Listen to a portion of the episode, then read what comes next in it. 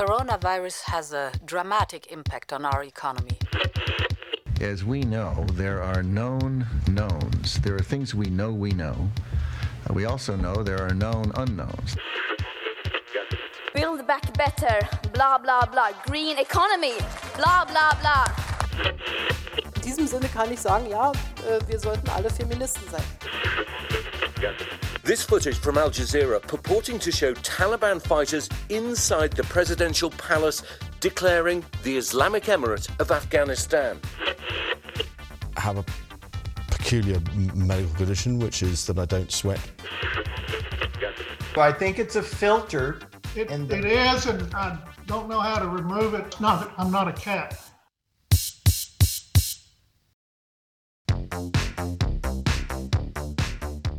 Þú ert að hlusta á heimskviður Í heimskviðum er fjallað um það sem gerist ekki á Íslandi. Ég heiti Birta Bjöstóttir. og ég heiti Guðmundur Björn Þorbjörnsson.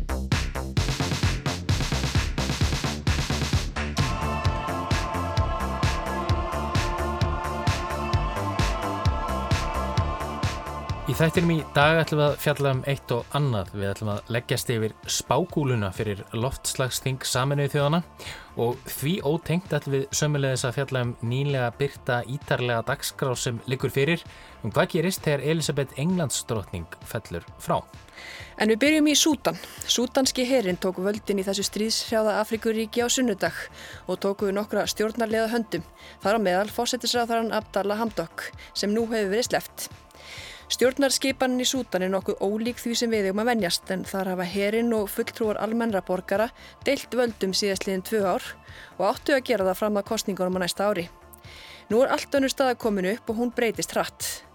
Guðmundur Björn rýndi í sögu Sútan og leiti í baksinni speilin hvað olli því að herin tók völdin á mánudag.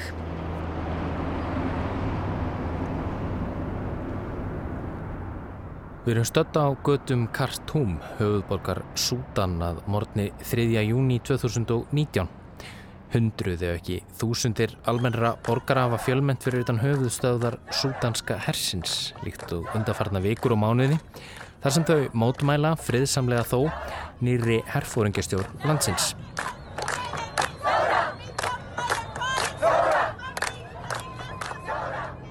Í apríl sama ár hafði sútanski herin komið einræðisherranum og fyrrum hersæðingjanum Ómar al-Bashir frá völdum eftir 30 ára á valdastóli. Manni sem rifsaði til sín völdin einmitt í valdaráni og sútanskur almenningur hafði lítinn áhuga á því að sjá það gerast aftur. En valdarán hersins 2019 var þó gert undir því yfirskinni að herin yrði aðeins við völd tímabundið. Sú stjórn sem komið var á þegar Al-Bashir var komið frá kallaði sig einmitt millibils herráð og átti aðeins að vera við völd þar til hægt væri að þeirra mati að kjósa nýja ríkistjórn. En ef það er eitthvað sem sagan hefur kent okkur og sútanar þekkja jú betur en Íslendingar, þá eiga herfóringjar sem fremja valdarán það til að halda í völdin. Því hafði almenningur látið óanægu sína í ljós, mjög friðsamlega þó, allt frá valdaskiptunum og krafist þess að fulltrúar þeirra fengið að stjórna landinu. Með öðrum orðum að líðræðislegar kostningar fari fram. Þessi mótmæla seta almennings voru líka miklar gleðistundir og þótt almenningur hafi haft sínar kröfur var fólk líka að fagna því að Ómar al-Bashir var loks farinn frá völdum. Var sungið og dansað og oft sást hermenn í góðu yfirleiti með mótmælendum. Hér heyri við einn slíkan leika á saxofón undir dansi mótmælenda.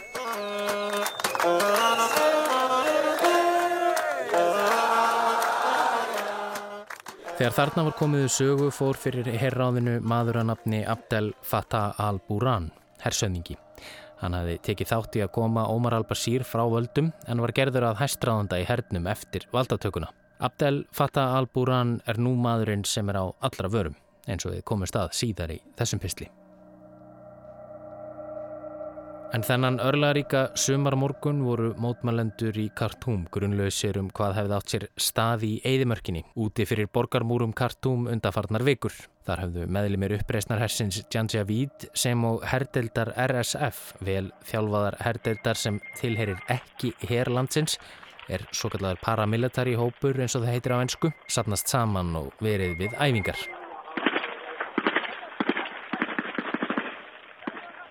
Í gegnum tíðina hefur súdanski herin leitað til liðsmanna RSF og Janjavid þegar það þarf að brjóta niður óæskilega mótstöðu. Þessir menn eru þekktir fyrir aðkomu sínað átökunum í Darfur hér aði sem við vikjum betur að á eftir. Og þá eru þessir menn sem lögðu leið sína inn í Khartoum að morgni 3. júni.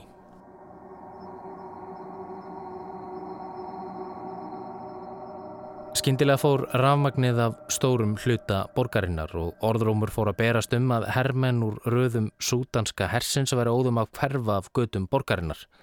En í stað þeirra væru þar Janjavid liðar og liðsmenn RSF sem býði eftir skipunum um að láta til skarar skrýða.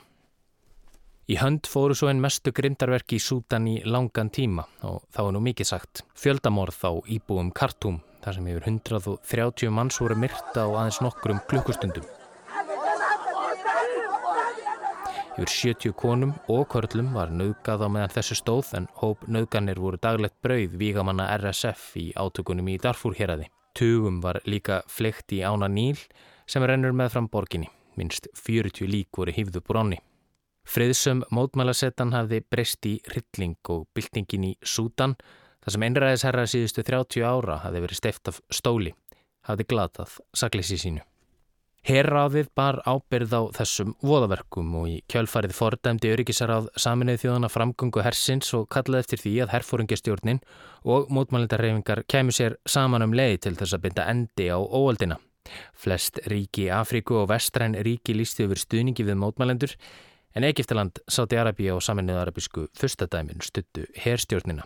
Niðurstaðan varð svo að þann 17. ágúst 2019 með milligöngu Afrikuráðsins og Öryggisráðs saminuð þjóðana gerði herfóringistjórnin og leðtúar mótmælenda með sér sögulegt samkómulag. Komið þeirri á ráði, svo kalluðu fullveldisráði, sem færi með völdi í landinu fram að kostningum sem átti að fara fram síðla ás 2022. Þetta þótti mikill sigur fyrir líðræði sinna að svo langur tími er þið gefinn fram að kostningum. Fullveldisráðið skipiðu 11 meðlumir, 5 úr rauðum hersins og 5 almennir borgarar sem aldrei voru af stjórnmálarheimingunni FFC, aflum frelsi og breytingar.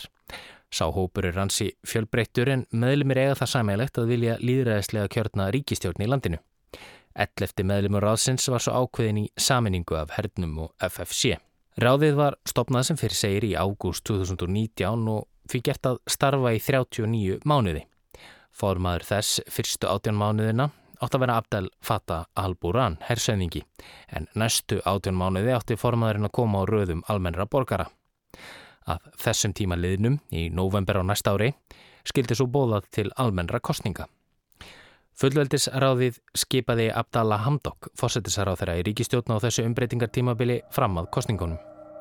En eins og aðbyrðir síðustu viku í Sútan hafa sínt okkur, verða engar kostningar í november á næsta ári og Abdallah Hamdok er ekki lengur fórsættisarað þeirra í Sútan.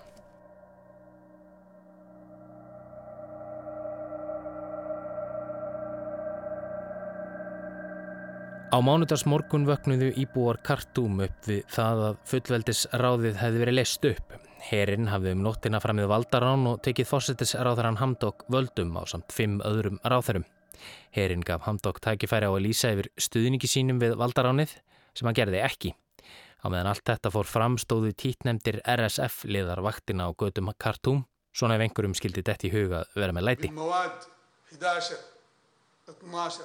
Seitna um daginn flytti Abdel Fattah al-Buran sjónvarpsávar, þar sem hann lísti yfir neyðar ástandi í landinu og að fullveldisaráðið hefði verið leist upp. Ný ríkistjótt tæki nú við völdum og myndi leiða landið fram að næstu kostningum sem áhalda í júni 2023.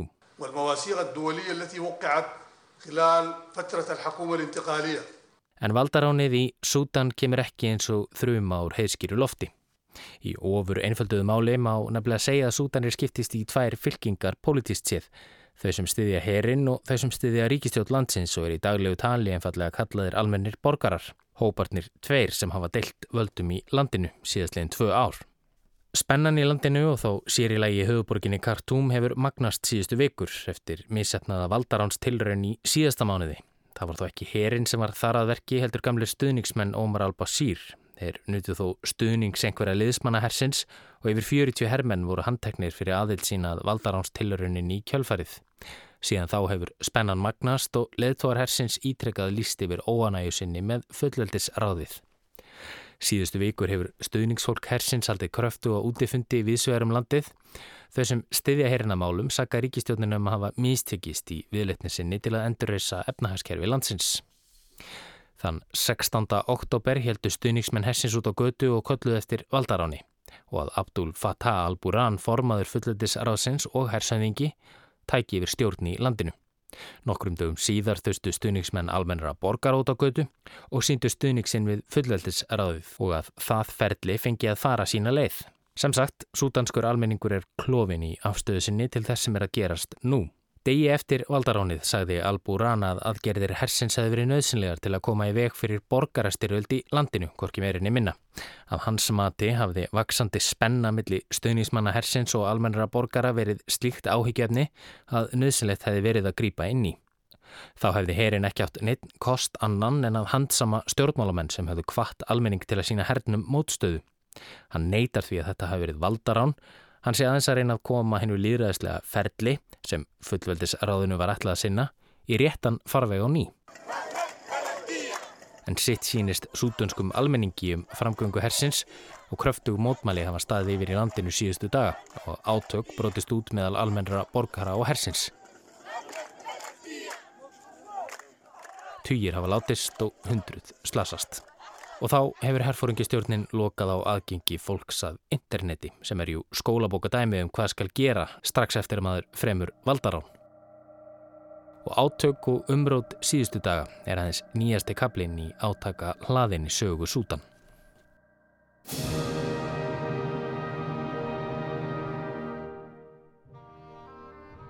Sútan er í norð-östur Afriku á landamærað Egiptalandi í norðri, Eritrei og Eþjópíu í östri mið Afrikuliðveldinu í suðvestri, Tjad í vestri og Líbíu í norðvestri.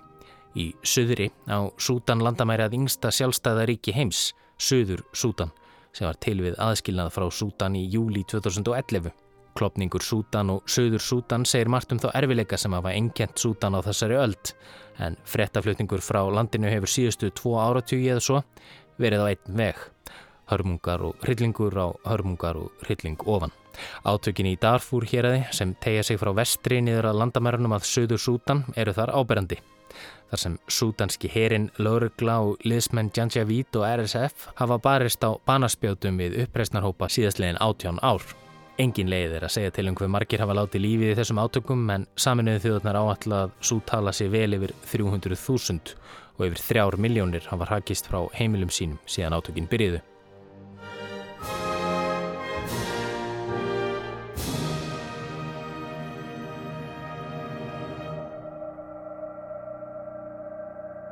Átökin í Darfur eiga sér ymsar ástæður. Deilur um landsvæði og aðgengjað vassbólum skipta þar miklu en þar má líka finna í því hver líðfræðilega fjölbreytt Sútan er á þessu svæði.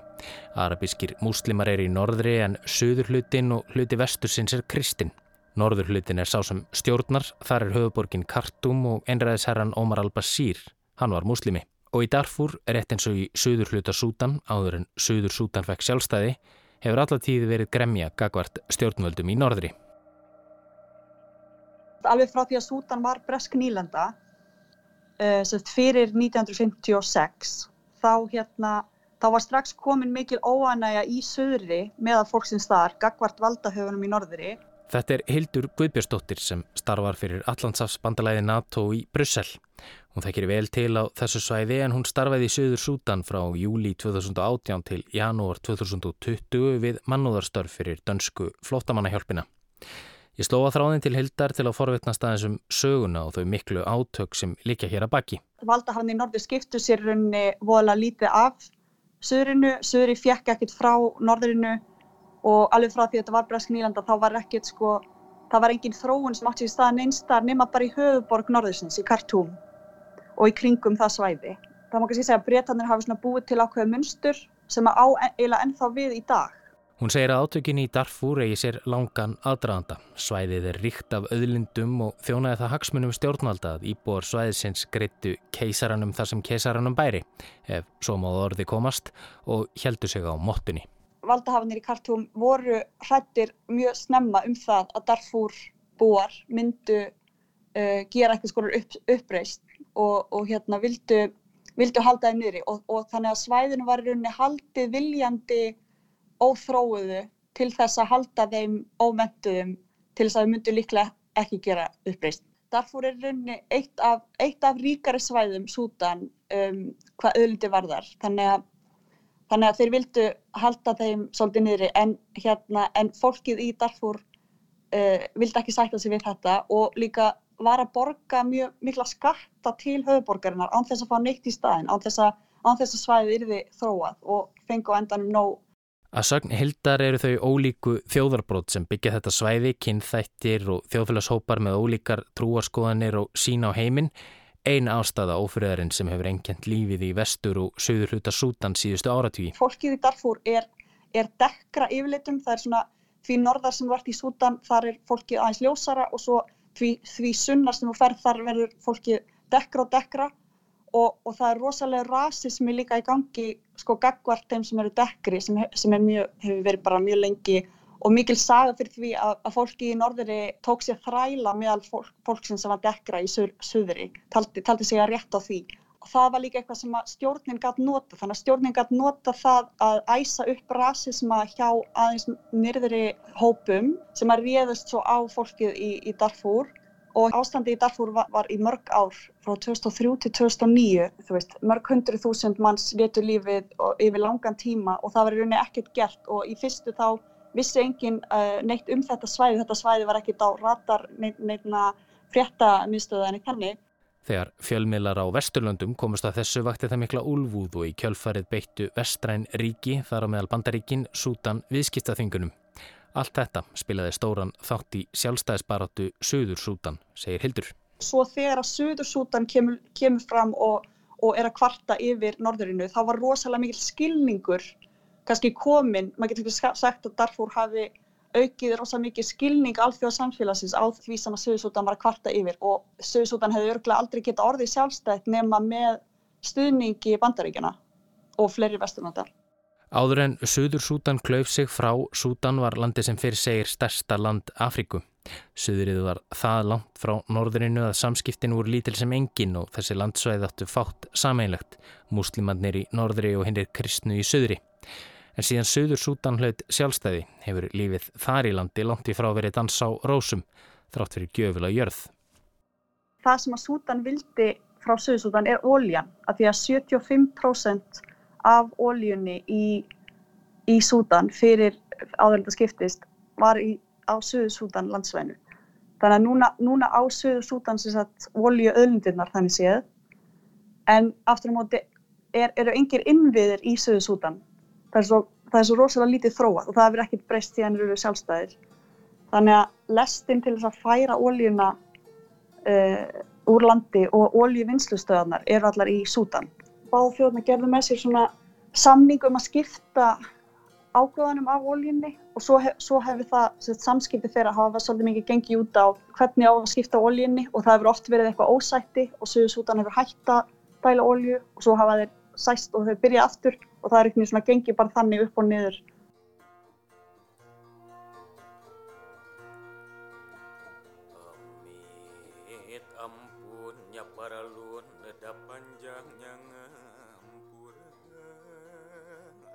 Af spjalli mínu við Hildi hef ég lært að korki Sútan ég Suður Sútan verið að stafa græknitt sérstaklega á því að landið hafi klopnað í tvent.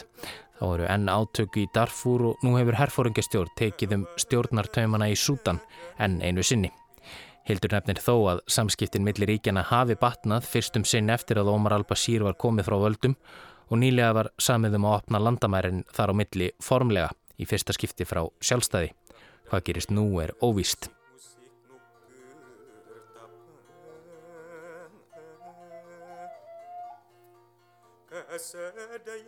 Viðbrögð alþjóðarsamfélagsins við valdaráninu hafa verið á einn veg, fordæming.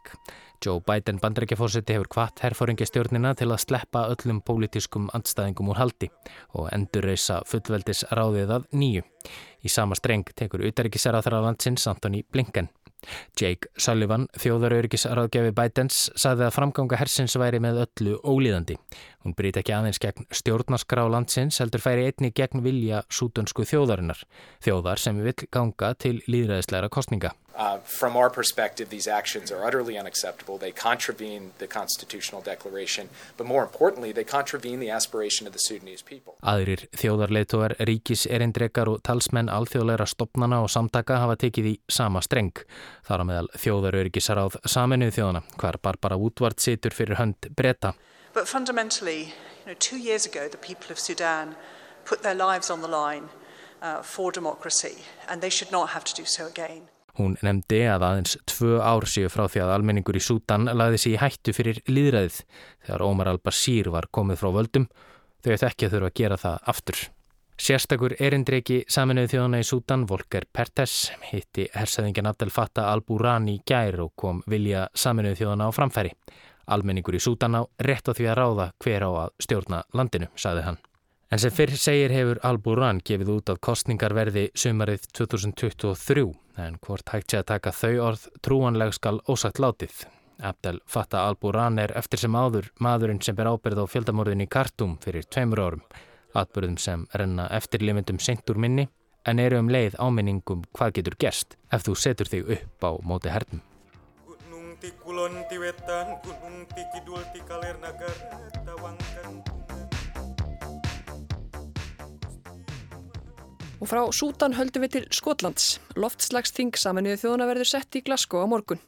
Já, Guðmundur, klísjana augu heimsbyðarnar beinist ánga og líklega við að þessu sinni er það ekki? Jú, og þó að festir búist í því að lausnin á loftslagsvonni verði í höfn eftir næstu tvær aukur í Skotlandi, þá verður samt spennandi að fylgjast með því hvað fer þarna fram og hvað verður ákveðið þarna. Einmitt og því að það er alltaf ykkur sem veit meira en við þá settist ég niður með Haldóri Þorgesinni formanni Loftslagsráðs. Velkomin Haldur. Takk.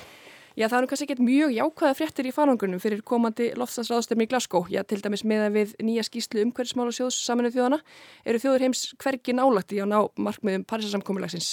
Eh, kemur það þér óvart? Nei, alls ekki og þetta hefur leiðið fyrir mjög lengi og, og, en það er mjög mikilvægt að hafa eh, þessar staðrendi mjög skýrt eh, og og uh, þessar skýslur uh, komar umverulega reglulega. Uh, en það er hins vegar mjög mikilvægt að átt að sjá því hvað þetta þýðir. Og, og hvað þýðir þetta? Sko, það er kannski betra að því að við tölum mjög mikið um hvað við þurfum að gera mikið á næstu tíu árum, að horfa aðeins tilbaka á, á síðustu tíu ára. Og e, þegar að var verið að vinna að Parísar samningnum, þá stemdi í e, fjara gráðu röskun á verkenninu uh, og sem eru bara allsirar hörmungar og myndir umvel að gera jörðina óbyggilega. Og um, það var mjög mjög kraftur settur í það að byrja að snúa því við. Og uh, það, uh, það áttak fekk svo þennan stimpil Parísarsamningurinn. Og um, þannig að í aðranda Parísar þá voru uh, gerðar tekna mjög erfiðar ákvarðinum víða og lögð mikil áslá það að þetta væri samilegt áttak og það liti til þess að þegar Parísar fundurinn byrjaði þá voru að fara stefni í þrjárgráður. Þannig ég held þess bara mikilvægt að við gerum okkar eins grein fyrir því að það þegar búið að ná miklum árangri í því að snúa þessu við. Það sem er hins vegar mjög mikilvægt að horfast að augu við og þetta snýst mjög mikið um það að horfast í augu við staðrendir. Það er ekki alltaf auðvelt og, og sérstaklega ekki fyrir stjórnmálamenn því að þeir þurfa kannski til þess að fá fylgi að, að uh, halda sínum uh, uh, kjósendum ekki of upplýstum. Og þess vegna snýst þetta mjög mikið um það að horfast í augu við starfindir og það er alveg ljóst að röskunin sem við vildum sem að samkómulega var um að forðast að tvær gráður og, og stefna í eina og hálfa. Við vitum meira ná, núna að það er algjörlega nöðsynlegt að halda röskunin inn af einu og hálfa gráðu. Og í, til þess að það takist, þá þurfum við að helminga heimslósunna fyrir 2030. Og, uh, og við erum að horfast yfir við það að það er innan við 10% uh, sem við erum að ná með þessu. Að, þannig að, og þá skiptir svo miklu máli, hvað gerum við þá?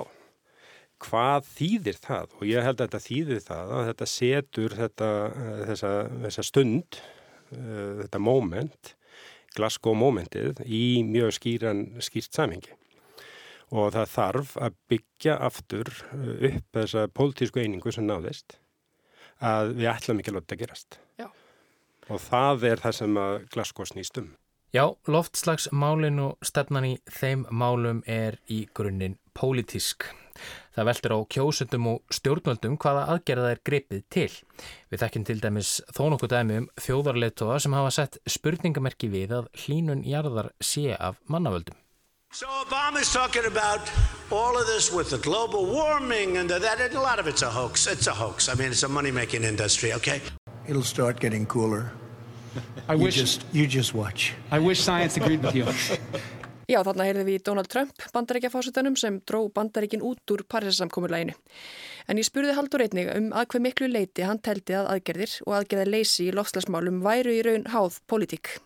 Við komumst ekkert hjá því að horfast augu við það að við erum, þetta eru grundvallar atriði í flestum, uh, á flestum sviðum uh, hérna, stjórnmálana. Til dæmis uh, er þetta algjörð grundvallar atriði í orkustöfnu.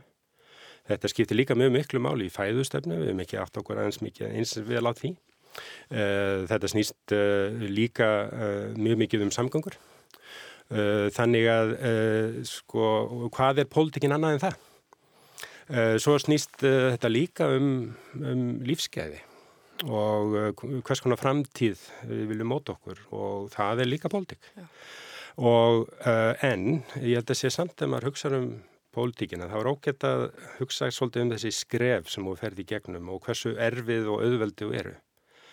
Það er, jú, það getur tekið pólitískan uh, hugreiki, pólitískt hugreiki að setja sér uh, mikilvæg markmið eins og var gert í París En það sem að raunverulega reynir á í, í stjórnmálunum er þegar kemur að breytingunum heima fyrir sig.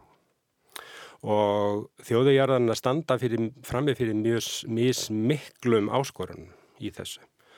Og um, uh, mörg þeirra standa raunverulega frammi fyrir því að, að þurfa svolítið að endur byggja sig takkerfi.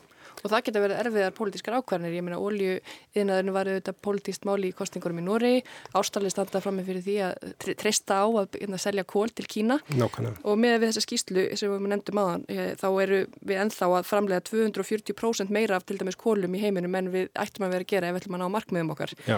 Er ekki það er erfitt að því að pólitíkusar, og þó að þeir, þeir, þeim sé ekki um að kenna einum, en það er unnið alltaf í kjörtímabilum.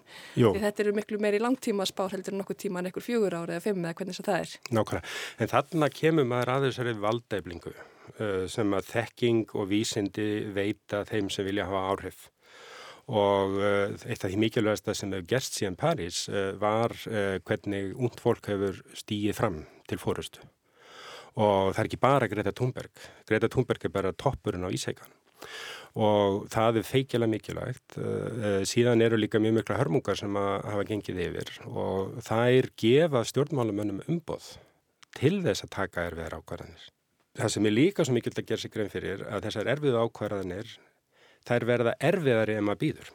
Því að svona umskipti þau eru í mörgum tilfellum mjög hagkvæm. Það eru flestar þjóðir, allar þjóðir hafa hérna, tækifæri í þessari framtíð en það er mis mikla fjárfestingar sem þau þurfa að ráðast í. Og uh, þess vegna uh, er það mjög um, skadilegt í mínum, mínum mati ef að stjórnmálum fara þá leið að uh, vera ekki hreinskilin við sína umbygðandur og segja þeim að það sé alltaf að halda áfram með þeirri braut sem við erum og kannski gott að taka bara dæmi úr fortíðinni. Uh, uh, fulltrúar uh, bílaborgarinnar miklu í Detroit lita á það sem sitt hlutverk í Washington að verja bílaðinaðin í bandarækjónu fyrir kröfum um aukna nýtingu og, og að þau myndu nota minni orku. Og þetta þýtti það að Detroit var bara satt eftir og þeir mistu algjörlega frum Hvað, og það til munum kannski eftir þessu það, það þurfti að taka feikjala mikið fjármang eitt að því fyrsta sem Obama þurfti að gera er að bjarga bílaðinnan í bandaríkan vegna þess að hann hafi verið í blekkingarvef að það væri bara allt í lægi að halda áfram að búa til bensínháka. Og það væri áfram markaður og það væri áfram réttlega þetta að vera með það ég teka þetta dæmi vegna þess að þetta er svolítið, bak, þetta er svolítið langt síðan en við stöndum fram eða þjóðirjarðana standa fram með fyrir sömu ákvörðunum Já, eins og Haldur nefnir þarna, þá er þetta já, vandamál allra þjóðarleituar heims þeir standa allir frammi fyrir einu og sama vandamálun. Einmitt, en það saðan líka að samkoman í Glasgow væri mikilvægt til þess að endur byggja þessa pólitísku einingu með ráðamanna heims. Og svo spurði hann að lókum hvaða væntingar væri raunhæft að hafa til loftslagsráðstefnunar. Mikilvægastu markmiðin er að við höldum uh, einnu og halvri gráðu uh, á lífi og þannig þetta er, uh, þetta er varnabarata. En er eitthvað í Glasgow sem geti, já, eitthvað það sem geti verið ákveðið sem geti snúið þessari þróun við?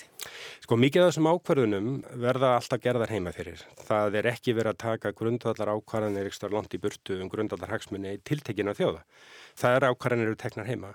En e, það sem er mikilvægt er að, að það komi aftur þessi sterku skilabóð. Já, einu og hálfa gráð er möguleg. Já, einu og hálfa gráð er hagkvæm. Og já, við ætlum að gera þetta saman. Kæra þakki fyrir spjallið, Haldur Þorkesson. Takk. Já, augu allra beinast að Glasgow frá og með sunnudeginum og þanga mæta líka flest fyrirmenni heims á samt vísindamönnum og fleirum. Já, en flest, eins og þú segir, einn þeirra ætlar ekki að mæta og það er Elisabeth Englandsdrottning. Það er rétt, hún heldur sig heima af helsufass ástæðan. Já, og þó þannig kannski aldeilis væri. Elisabeth er 95 ára og þurfti að leita til læknis á dögunum og er sagt að fara sér hægt á næstunni. En Karl, elstir sonur hennar, fer í hennastað til Glasgow. Einmitt margir tölvert yngre en 95 ára hafa þurft að taka sér stutt hlið frá störfum vegna álags og að, uh, það sína nú flest þessu skilningvættala. Heldur betur. En Elisabeth og öll hennar fjölskylda er alla jafna fréttamatur mjög reglulega, sannlega misáhugaverðar fréttir en einn þeirra vakti aðtekli okkar á dögunum. Það var þeirra politíko byrti í fyrsta sinn ofinbeglega fastmótaða darskrána sem þegar likur fyrir og tekur gildi þegar að Elisabeth fellur frá. Það skal þó tekið fram að við fjöllum ekki um þetta mál hér vegna þess að við teljum að það stittist í þau tímamót, alls ekki. Það er bara svo margt í þessari gríðarlega ítarlegu dagskrá sem er áhugavert að skoða nánar.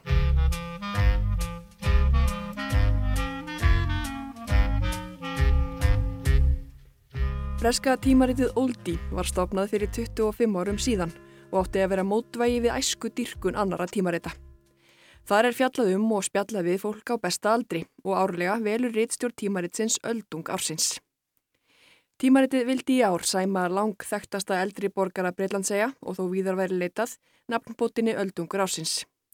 Bref þess efnis var sendt til höllu Elisabetar Englandsdrottningar. Og réttstjórnblaðsins fekk svar tilbaka. Takk en nei takk. Hinn 95 ára Elisabeth þakkaði auðsíndan heiður en hún vildi engu að síður ekki þykja viðurkenninguna.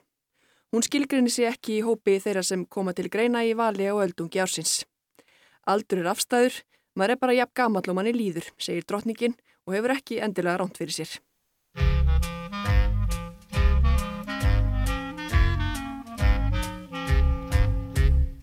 Það smá geta að Filipus heitinn drottningamadur var semdur þessum titli, öldungur ársins, árið 2011. Ólíkt frúnni þáði hann velunin og þakkaði fyrir sig með því að segja að fátt væri jafn upplýfgandi að vera myndur á með hvað miklum hraða árin færast yfir.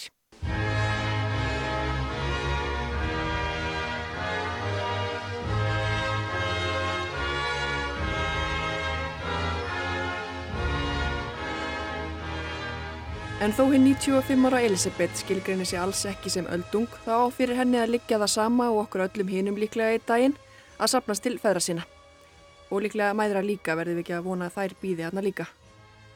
Það þykir kannski einhverjum óviðengandi að vera með vangaveltur um andlát fólks en við það fólk vilji segja þessu umfyllun er unnin með þá full vissu í hjarta að Elisabeth, sem er sem kunnugt er alls ekki einu sinni komin á eftirlaun, eigi eftir fjölda ára í lífi og starfi.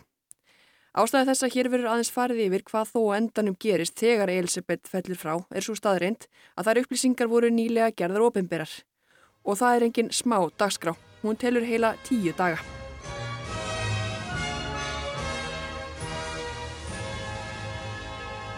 Þetta eru raun tvær áallanir sem Politico byrti ofinberlega í síðasta mánuði.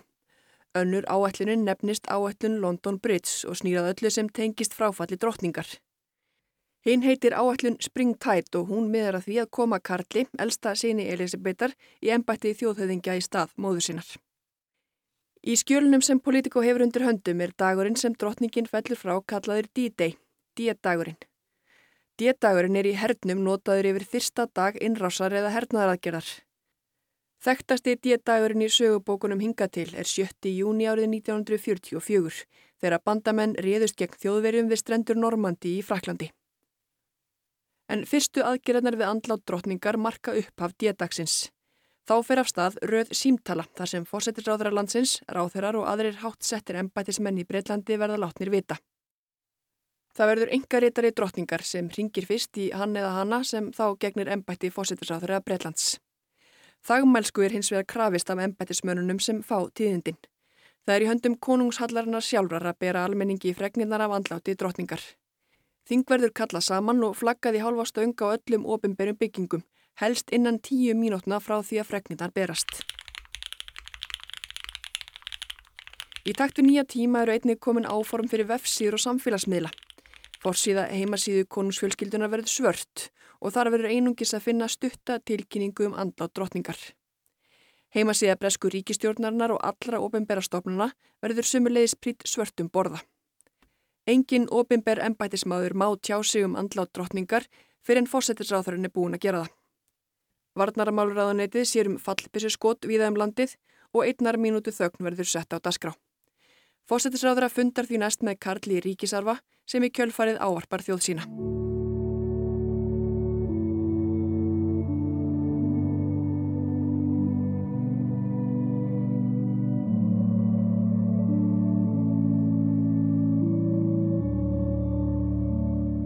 Stutt minningaratöfn fyrir sömuleiðis fram þennan sama dag í Dómkirkju Heilags Páls.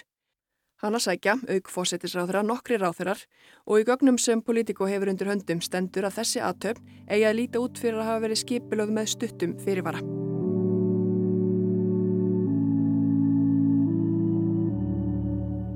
Næsti dagur kallast í planinu D-dagur 1 af 10 aðtöði. Þá verður eitt og annað á stefnusgránu sömu leiðis, allt neyður njörfað og ákveðið. Klukkan tíu á fyrsta D-deginum er komið að kríningu ríkisarfans í höllu heilags James. Viðstættir verða ráþerar og aðrir mektamenn sem öllum er gert að klæðast svörtum jakkafötum með svört eða dökk bindi og ekkert glingur. Þing kemur saman til að koma sér saman um samúðakveðu til konungsfjölskyldunar og svo er þingi slitið næstu tíu dagana. Klukkan hálf fjögur þannig sama dag hitta ráþerar ríkistjórnarinnar nýjan konung Breitlands Ráþærar verða ykkur lötu vegna, beðrir um að taka að maka sína ekki með á þann fund. Á öðrum díedeginum verður kistu drottningar komið fyrir í Bökkingamöll. Það veldur á því hvar drottningin tekur síðustu andatökin hvernig ferðalæði í Bökkingamöll verður. Flugvilar, lestar og eiginlega allir heimsins farskjótar eru í starthólunum og ef það þarf að flytja kistu hennar með flugvél verður það ráþærað að taka á móti henni á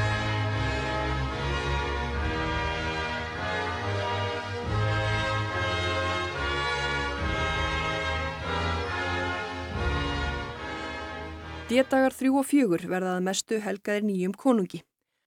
Hann ferðast til Skotlands og Norður Ílands, tekur á móti samúðakveðjum og sækir guðstjónastur.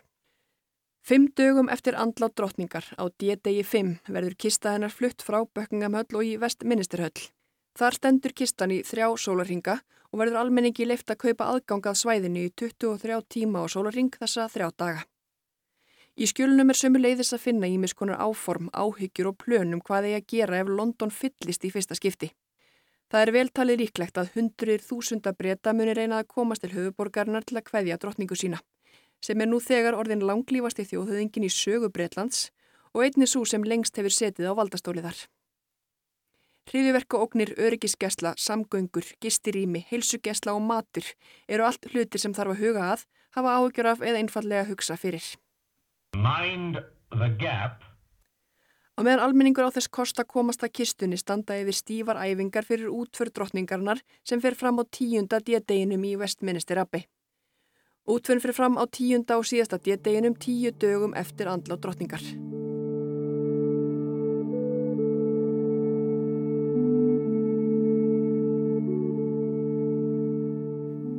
Þjóðarsorg verður líst yfir á Breitlands segjum þannan dag sem verður sömulegis frítagur þó það sé atvinnureikandi að ákveða hvort þeir gefi starfsfólki sínu frí. Útförin sjálf fyrir fram í Westminster Abbey og um miðjan dag verður tveggja mínútna þögn um gjörvalt Breitland. Minningastund verður sömulegis fram í kapellu heilas Georgs í Windsor kastala. Drottningin verður svo borin til gravar í kapellu sem reist var til minningar um Georg sjötta. Sem fyrr segir er þetta áform sem flest búast ekki við að þurfi að grípa til í bráð. Dagskræðan er þó áhugaverð og í takt við líf drottningarinnar sem allt frá fæðingu hefur lifað lífi sem að mjög stórum hluta er skipulagt af öðrum.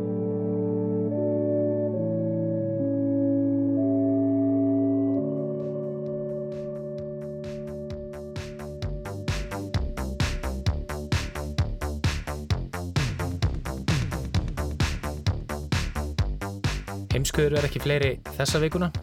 Við verðum hér aftur á sama tíma í næstu viku. Takk fyrir að hlusta.